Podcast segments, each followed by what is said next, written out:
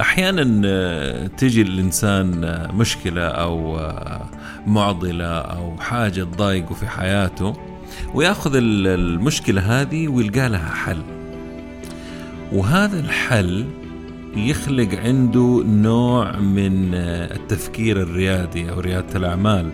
يقوم يقول لنفسه طيب أنا ممكن هذه الفكرة أقدمها لناس بيعانوا من نفس المشكلة. وفعلا هذه الفكرة تاخذ شكل مشروع بجميع أشكاله محل تطبيق موقع إلى آخره. المشروع هذا يحتاج طريقة يتحصل على مقابل للخدمة اللي حلت المشكلة اللي يعاني منها الكثير وتسهل حياتهم طبعا. ترى ممكن ما تكون مشكلة ممكن تكون أي شيء أهم شيء أنه أصبحت مشروع أو تحولت من سراب لواقع. عشان كذا نحتاج business plan أو خطة عمل آه، خريطة عمل نشتغل فيها ومن خلالها. اليوم راح أتكلم عن شيء داخل ال business plan حاجة اسمها نموذج العمل أو ال business model الآلية اللي تجني فيها دخلك من مشروعك. طبعا الموديلات أو النماذج كثيرة وممتعة ومبهرة ومتأكد راح تساعدكم في بلورة أو البلورة الأخيرة لمشروعكم واحتمال تفتح عيونكم لمصادر دخل جديدة آه، مدسوسة أو مخفية هنا أو هناك. عالم البزنس عالم مثير متغير وله جوانب كثيرة ولأني بصراحة طفشت من التنظير والتكرار والفلسفة والمثاليات الغير مفيدة. أدور الدروس والمفاهيم الجديدة والعبر من القديمة وتأثيرها على حياتنا. ما قابل غير المفيدين بغض النظر عن شهرتهم. بودكاست عالمي بنكهة محلية. وأهم شيء عملي وعربي. يا هلا وسهلا بالجميع في بودكاست نتكلم business مع ممدوح الردادي.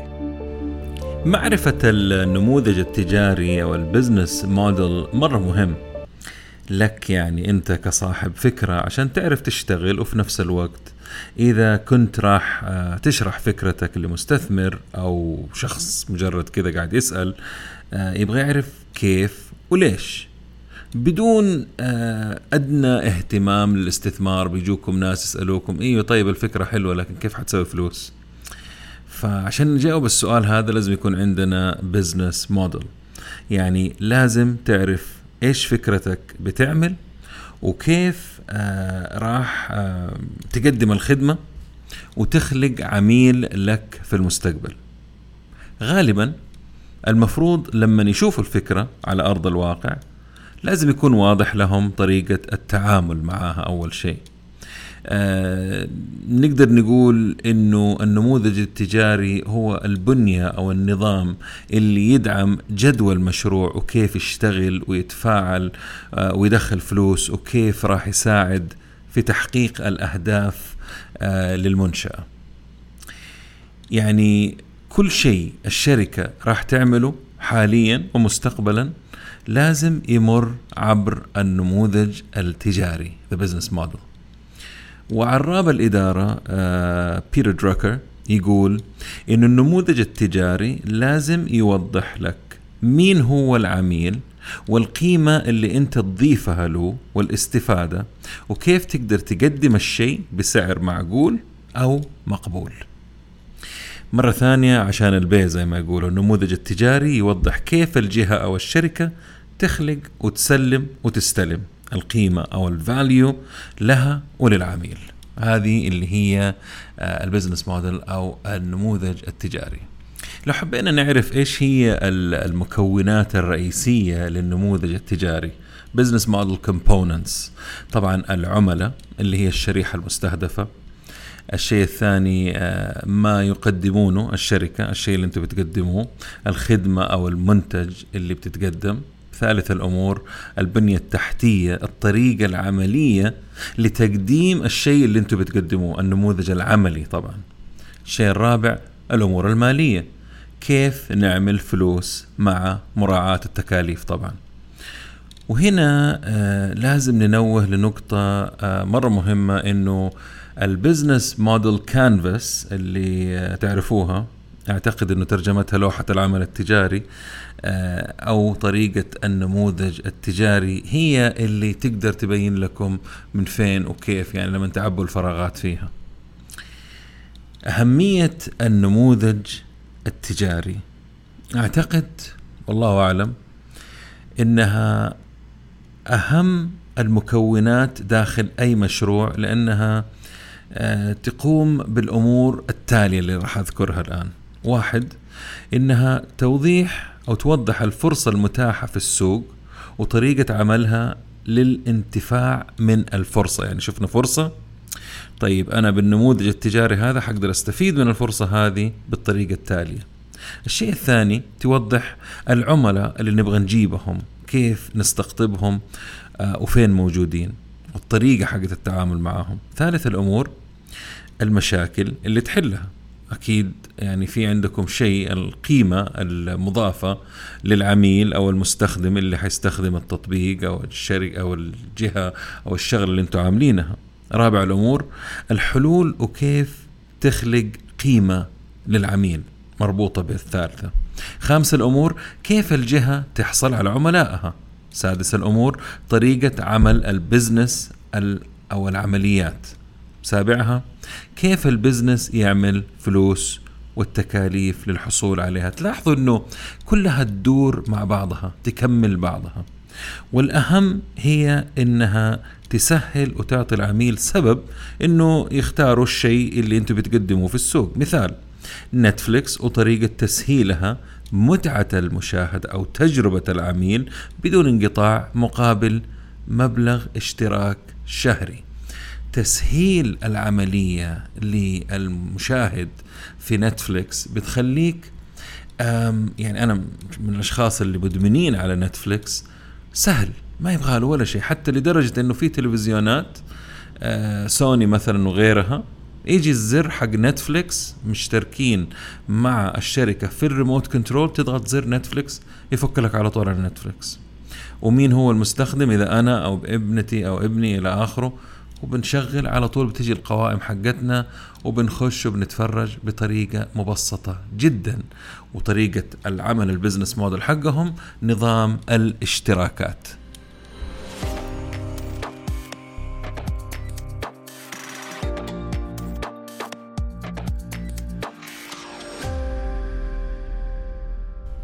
في أكثر من خمسين نموذج تجاري أتوقع في مية نموذج تجاري.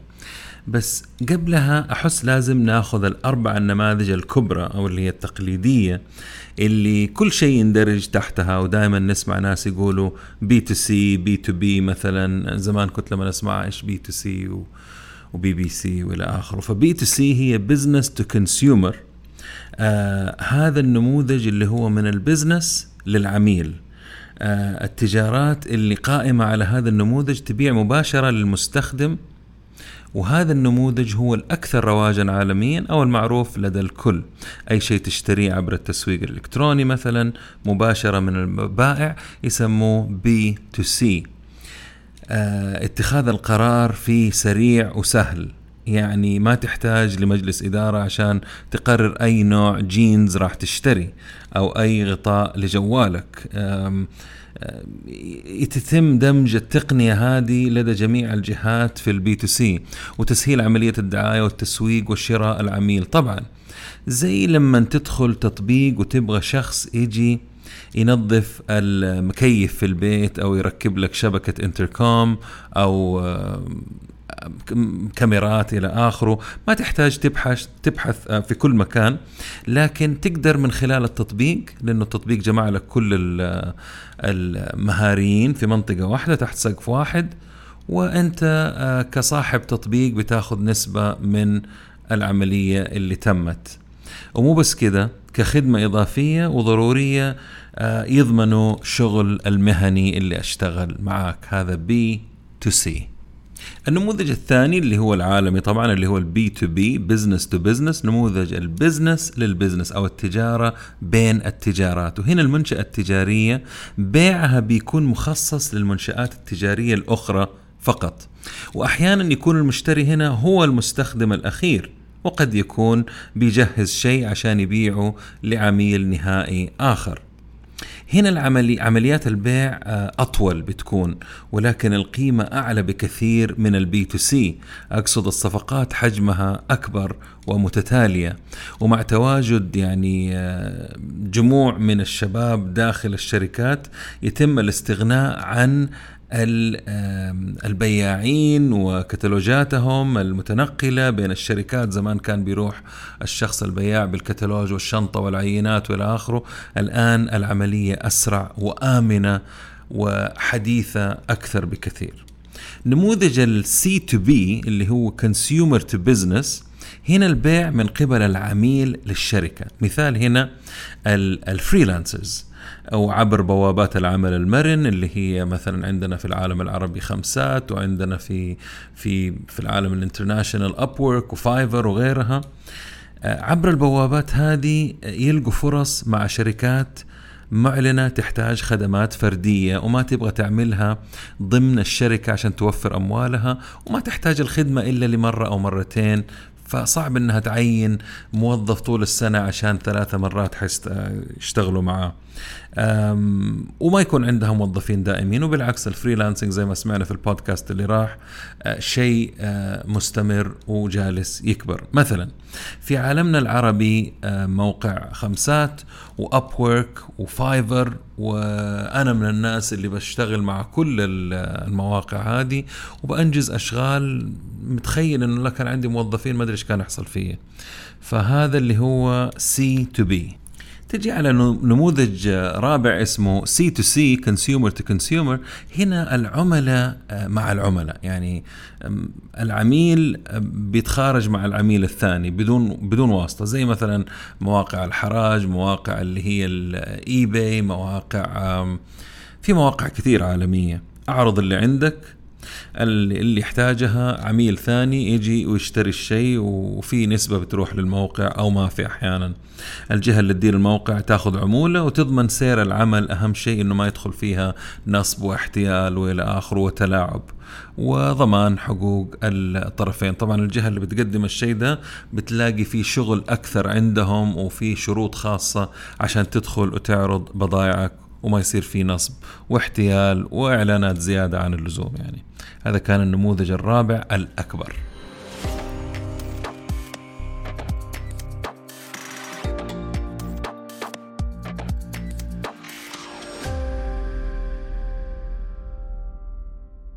الآن راح يعني هذه كانت الخطوط العريضة زي ما يقولوا. الآن راح أستعرض على السريع بدون شرح أبدا آه، مجموعة كبيرة من النماذج التجارية اللي نسمع عنها وراح أخلي الأهم اللي عاجبتني أنا آه، النماذج اللي تعجبني وأحس إن لها مستقبل وهي اللي شغالين عليها الشركات الكبرى في العالم في الأخير. فمثلا عندكم الامتياز التجاري ال franchise آه، ال cash cows زي أمازون وعلي بابا subscription models peer to peer عميل لعميل زي اوبر برضو تكلمنا عنها 1 for 1 واحد مقابل واحد أعمال خيرية يعني هنا واحد لواحد 1 to 1 هذه زي الله يعزكم جزم TOMS لما تشتري آه، حذاء من عندهم بي هم بي بيهدوا حذاء لمنطقة فقيرة في العالم.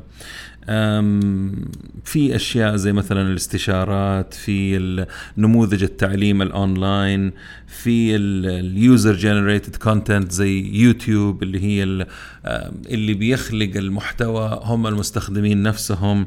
في المبيعات المباشرة زي Tupperware و Avon وغيره.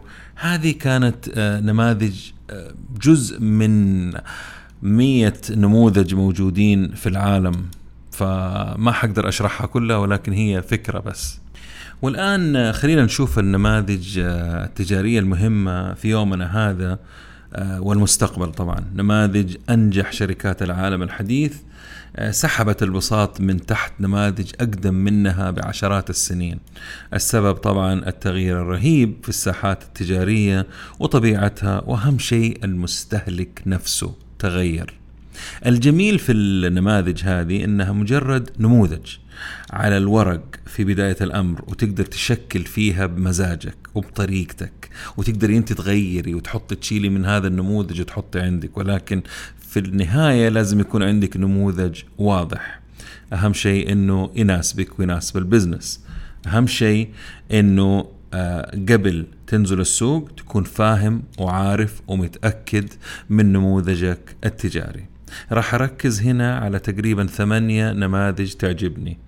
اللي يسموه ال craftsman أو ال master specialist business model هذا نموذج المختص المهاري. بعدين عندنا نموذج الخدمة المجانية هذا ال freemium business model يسموه freemium اسم مرة حلو.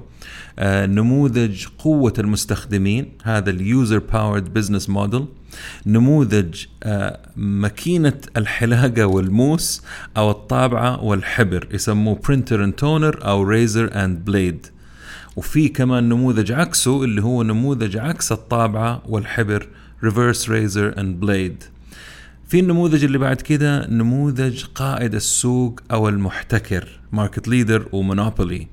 في بعده نموذج المتعدد القنوات والمنتجات multi component channel business model في نموذج البضائع الافتراضية virtual good models ونموذج المكون المكون الثمين اللي هو ال valuable component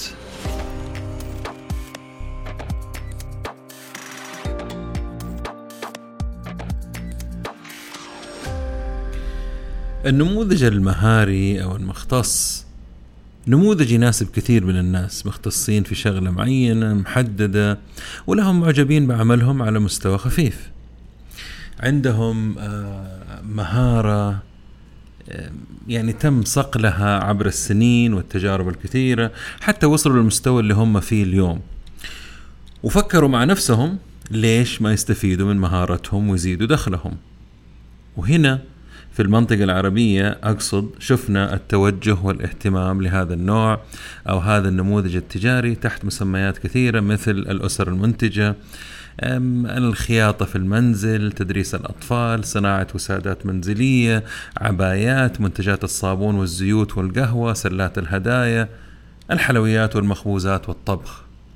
نموذج رهيب على فكرة. أه تكاليفه الأقل تقريبا بين كل التكاليف ويعتمد على جاهزية وجدية وكمية العمل اللي مستعد يشتغلها المهاري.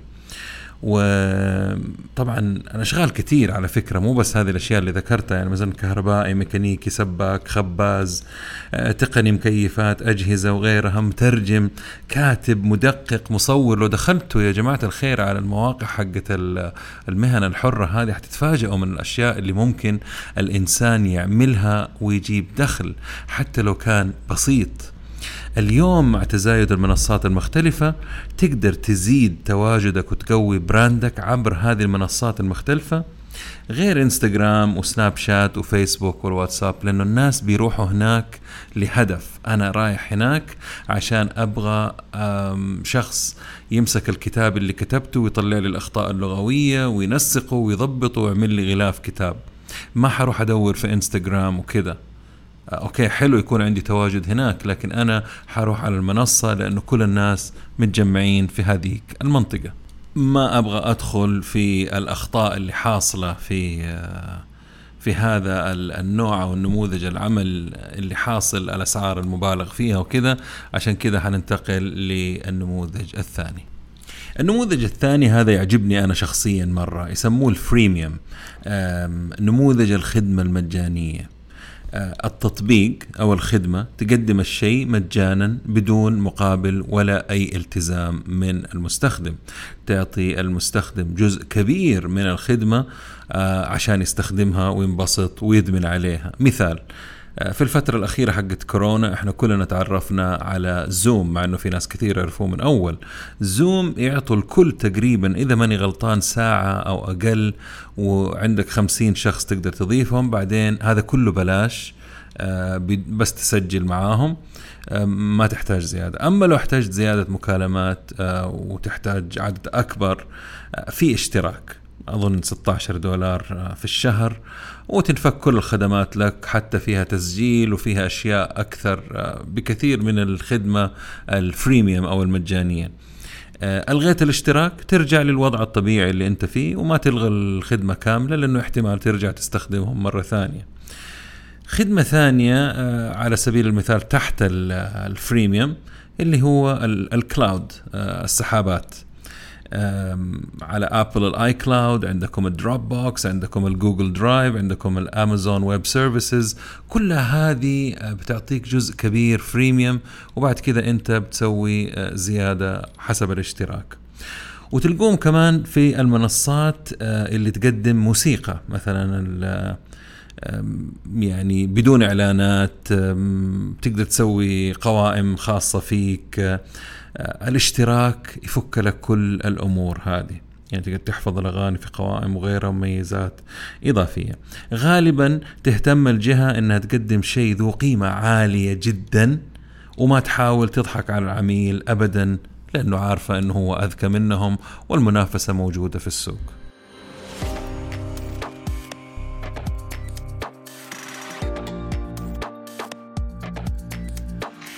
النموذج الثالث هو نموذج قوة المستخدم أو المستخدمين User Powered Business Model أو الآيبولز موديل يعني له أسامي كثير العيون الكثيرة يعني في ناس كثير عيونهم على الموقع هذا. هنا لابد يكون عندك محتوى قوي جدا. آلاف وملايين الناس موجودين عندك على الساحة مبسوطين بيتفاعلوا مع بعضهم. آه عبر نشر آه محتوى مختلف هم بيلاقوه من مكان وبيجوا بيحطوه عندك. أو أنت بتحطه في نفس الموقع هم بتناولوه. وأنت تلاحظ أنه في جهة بعد فترة دعائية أو تسويقية ممكن تستفيد من هذا التجمع الهائل اللي عندك. بالتالي تحلل الأرقام اللي عندك ويكون عندك بيانات تقدر توضحها للجهات المختلفة. اللي بعدها تتأكد منها وتعلن عندك عشان توصل لهم زي مثلا فيسبوك تويتر آه، سناب شات يوتيوب وإنستغرام. طبعا هنا تسهيل الموقع والتطبيق لأكبر درجة وتقديم أفضل ما لديك هو هذا اللي حينجح هذا النموذج. شفنا إحنا نماذج كثير طلعت واختفت بعد فترة أنه ما قدرت آه، تخلق نوع من الدخل من النموذج هذا لأنه صعب تسوي دخل من نموذج بدون ما أنت يعني على سبيل المثال كان زمان في تطبيق نزل عجبنا هنا في المنطقة العربية اسمه باث الشيء الوحيد اللي كان يقدروا يبيعوه أشياء داخل التطبيق عبارة عن إنك أنت تحط علامة إنه أنت مميز أو تستخدم صور مختلفة ب 10 دولار ولا هذا ما يكفي ولا يقوم مشروع في الأخير فلست الشركة وقفلت أبوابها. إنما فيسبوك والشركات الكبيرة زي تويتر وغيرهم هذول بيبيعوا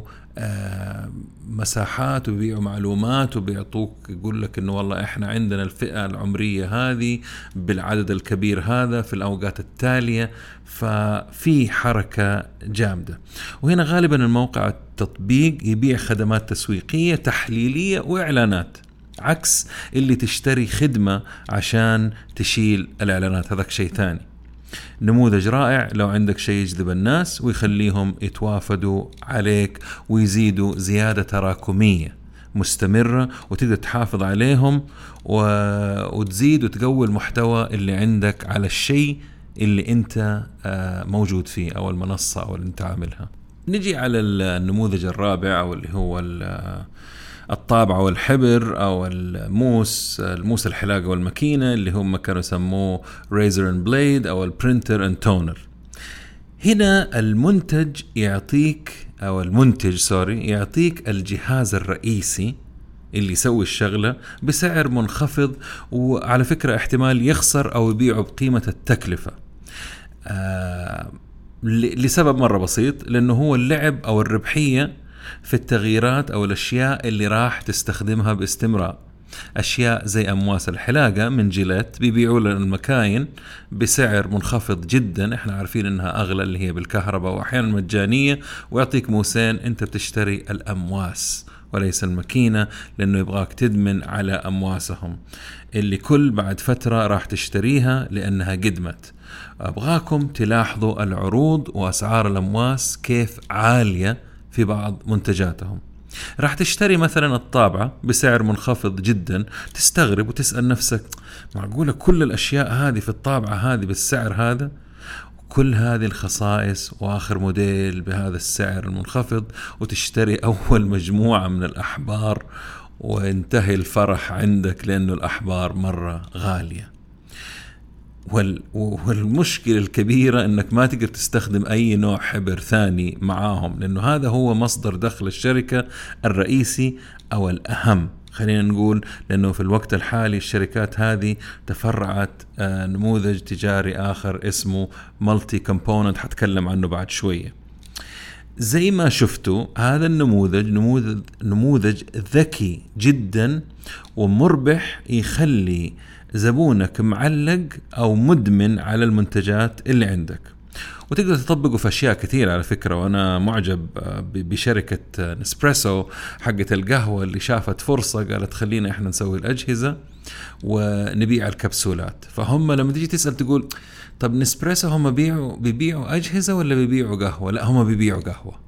الأجهزة عامل مساعد. الأجهزة لو يبغوا يبيعوها بتكلفتها راح تكون غالية جدا. وأنا من زمان بأناشد شركة نسبريسو بقول يعني خلاص كفاية. أنتوا لكم أكثر من 15 سنة بتبيعوا الأجهزة مع أنه الأجهزة المفروض هذه تكون مجانية. زي ما أنتم شايفين دخلت شركات ثانية نسلي وغيرهم وغيرهم دخلوا بيسووا نفس الشغلة اللي هم بيعملوها. هذا إدارتهم هم أحرار فيها.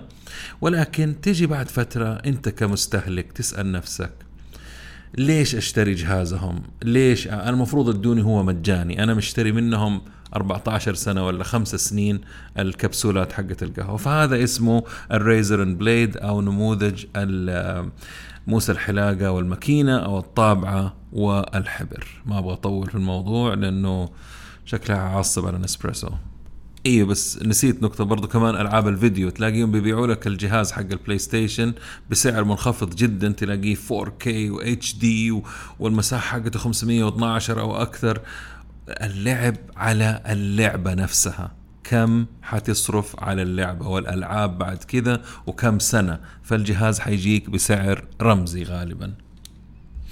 طيب نجي آه نموذج كثير ما يعرفوه اللي هو النموذج العكسي للطابعة والحبر. انعرف أكثر مع شركة ابل وستيف جوبز العبقري اللي هم reverse printer and blade business model هذا نموذج عكس اللي تكلمت عنه قبل شوية. وأفضل مثال طبعا هنا عشان توصل الفكرة بسرعة هي شركة ابل اللي أعلنت قبل فترة إنه لما تشتري ايباد أو جهاز معين راح يعطوك خدماتهم الثانية مجانيا أو أمواس الحلاقة والحبر خلينا نقول بلاش.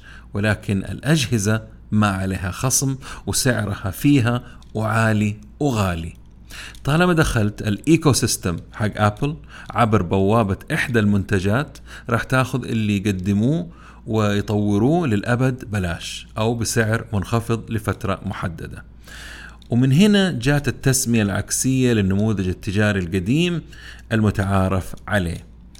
في حديث مع ستيف جوبز واحد من التقنيين كان بيتكلم معاه لما قدم الايبود وكان بيبيع الأغاني زمان أتذكر كنا نشتريها ب 99 سنت. يعني أنت بتتكلم على 3 ريال ونص أو 3 ريال و70 هلله بس أيام ما كانت الدنيا دنيا وسعر السي دي كان السي دي تشتريه في 12 أغنية ولا 15 ولا 8 ب 75 ريال يعني ب 20 دولار الأغنية. يعني آه ستة ريال. سألوا واحد من التقنيين الصحفيين كيف تبيع بالسعر هذا. قال له لأنه عمرنا ما راح يكون عندنا ربح كثير في الأغاني وأنا شغلي أبيع آيبودز ب 400 دولار مو أغاني. الأغاني عنصر يجذب المشتري للآيبود فهنا عكس الموضوع. هنا بيركز على الماكينة حقة الحلاقة أو الآيبود والأشياء الثانية هي اللي بيعطيها تقريبا مجانية.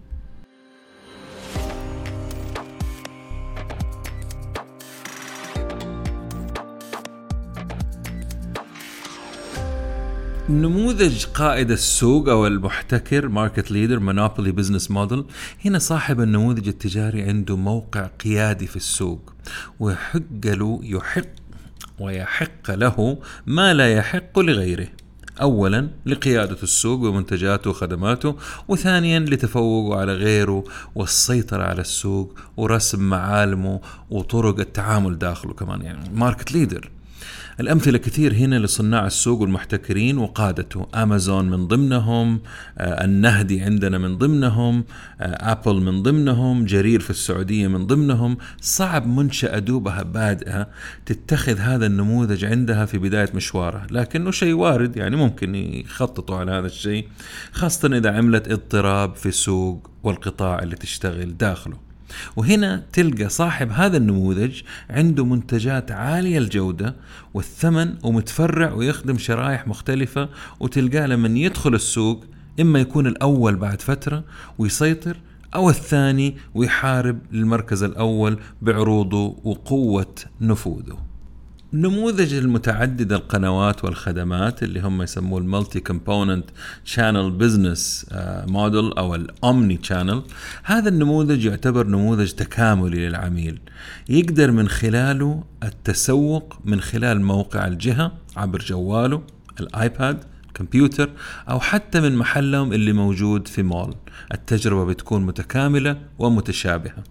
صعوبة هذا النموذج هو إنك تعطي العميل نفس خدمتك الرائعة على الإنترنت من خلال موقعك مثلا وتعطيه نفس التعامل على أرض الواقع وجها لوجه وعلى الهاتف لما يتصل. رسالة الشركة بتكون موحدة عبر جميع القنوات.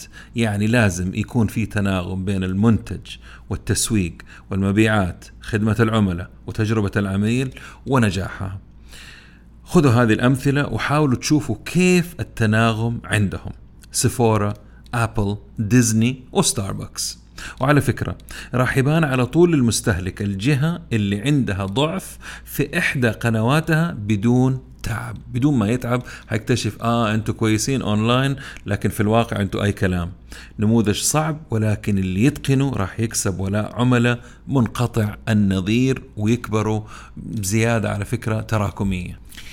هذا النموذج رهيب نموذج المنتجات الافتراضية Virtual Goods Business Model. كل الأبهات والعوائل بيشتكوا منه. ليش؟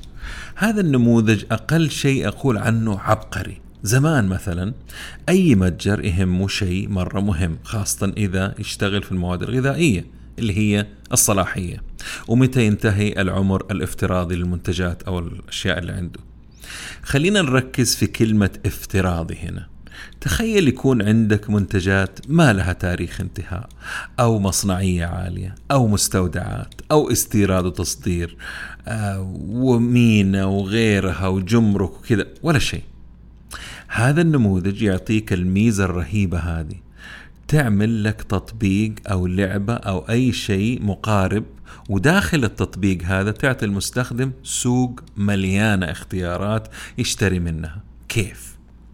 فلنفرض إنك أنت صاحب لعبة ببجي بي يو بي جي هذه أو غيرها وداخل اللعبة هذه فيها شخصيات ومراحل وأدوات. الشخصيات هذه تقدر تبيع لها وجيه ملابس أسلحة أدوات أشكال ومو بس كذا تقدر تبيع التميز لكل لاعب مقابل مبالغ بسيطة ولكن مع الأعداد الهائلة اللي جالسة تستخدم لعبتك راح تحصل على ثروة من منتجاتك الافتراضية. وطبعا في أمور كثير تقدر تطبقها التقنية هذه سميت لذلك. أنا بقول عليها واو جست واو من أروع النماذج التجارية. نجي على نموذج المكون الثمين valuable component. هنا نموذج أتوقع من أصعب النماذج على الإطلاق. لسبب إنه لازم يكون عند صاحب النموذج تقنية أو شيء عليه حقوق ملكية أو فكرية أو بيتنت وممنوع استخدامه إلا بالموافقة المسبقة من عند صاحب المنتج. أشهر الشركات تقريبا في العالم اللي كلنا نعرفها تستخدم هذا النموذج هي شركة دولبي الصوتية. لو تركزوا في الأفلام وتطالعوا كده في النهاية حتلاقوا الصوتيات من شركة دولبي في السيارات دولبي في, ال... في كل شيء في دولبي. التقنية اللي عندها الكل يحتاجها أو يبغاها تكون ضمن إنتاجاتهم الصوتية لعمق الصوت وخلاف امور ثانية. يعني لو طالع في أي فيلم عالي الجودة أو تسجيل أو غيره راح تلقى علامة دولبي المشهورة اللي عبارة عن حرف دي ودي معكوسة عكس بعض. ميزة دولبي التنافسية إنها خاصية تخفض الضجيج والصوت في التسجيلات وضغط الصوت والملفات الصوتية طريقة طبعا مبتكرة عندهم في المعامل. وطبعا يتم تطوير الخدمة باستمرار. عفوا ويتم آه، تطوير الخدمة باستمرار داخل معاملهم في أمريكا. ميزة هذا النموذج التجاري إنك تكسب شيء بسيط جدا مقابل استخدام منتجك ولكن باستمرار وبأعداد مهولة عالميا وبكذا تجني برضو ثروة هائلة مع الوقت.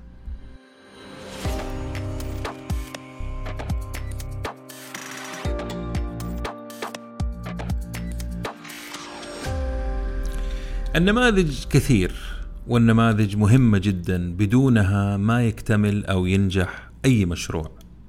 اختيار النموذج زي ما قلت سابقا يعتمد على أمور كثير من ضمنها الخدمة والمنتج اللي أنت بتقدمه أو الشيء اللي أنت بتقدمه شريحتك السوق اللي أنت موجود فيه سهولة إدارة النموذج هذا. تقدر يعني عفوا تعدد وسائل الدخل من خلاله. يعني ممكن يكون في عندي أنا وسيلة أو وسيلتين أو ثلاثة. طيب حلو. لكن هل سهل إني أنا أديرها ولا لا؟ وأي إنسان يقدر يشكل بين نموذج والثاني طبعا ما في حاجة اسمها هي كده أو ما في غيره. تقدر طبعا تبتكر. وللعلم هناك أكثر زي ما قلت لكم من مية نموذج تجاري معمول فيه عالميا. شكرا لوقتكم جميعا. زي ما ذكرت على تويتر هذا موضوع خاص بالبودكاست. قريب راح يتم تقديم خدمات إضافية. ومحتوى إضافي مع كل بودكاست أقدمه. أحيانا بودكاست مختص فقط على المنصة الجديدة اللي راح أشترك فيها. لازم أوضح بعض الأمور لأنه جاتني أسئلة تعجبني أنا لما الناس ليش أنا أدفع اشتراك أو ليش أنا إيش حيفرق البودكاست هذا عن البودكاست هذا؟ أستمر في البودكاست بدون ما أنت تغير؟ طيب أنا حستمر. ما في شيء حيتغير في البودكاست. أنا بتكلم عن إضافات على البودكاست. لازم أذكر الأمور التالية للتوضيح. هذا الشيء لن يؤثر على مستوى المحتوى هنا في البودكاست نهائيا.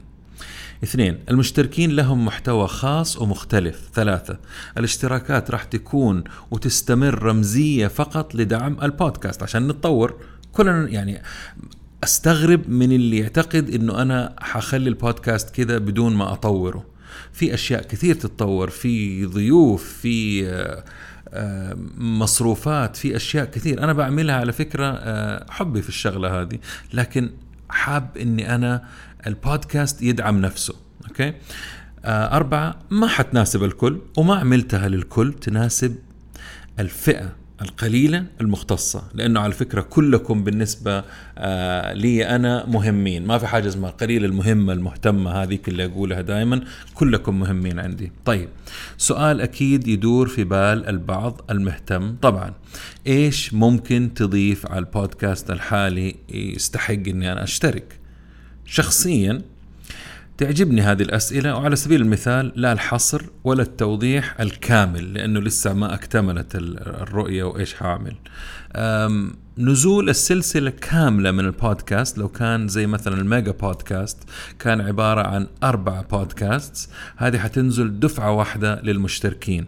في حلقات كاملة تفوق ال 45 دقيقة حبدأ أقصر الحلقات وفي إضافات لها أو تكملة لها حتكون في ال ال الاشتراكات الجديدة. في فيديوهات حتكون ونقاشات استشارية واستثنائية حول الموضوع المطروح. في مقابلات أطول مع الضيوف أو مقابلات إضافية خارج البودكاست.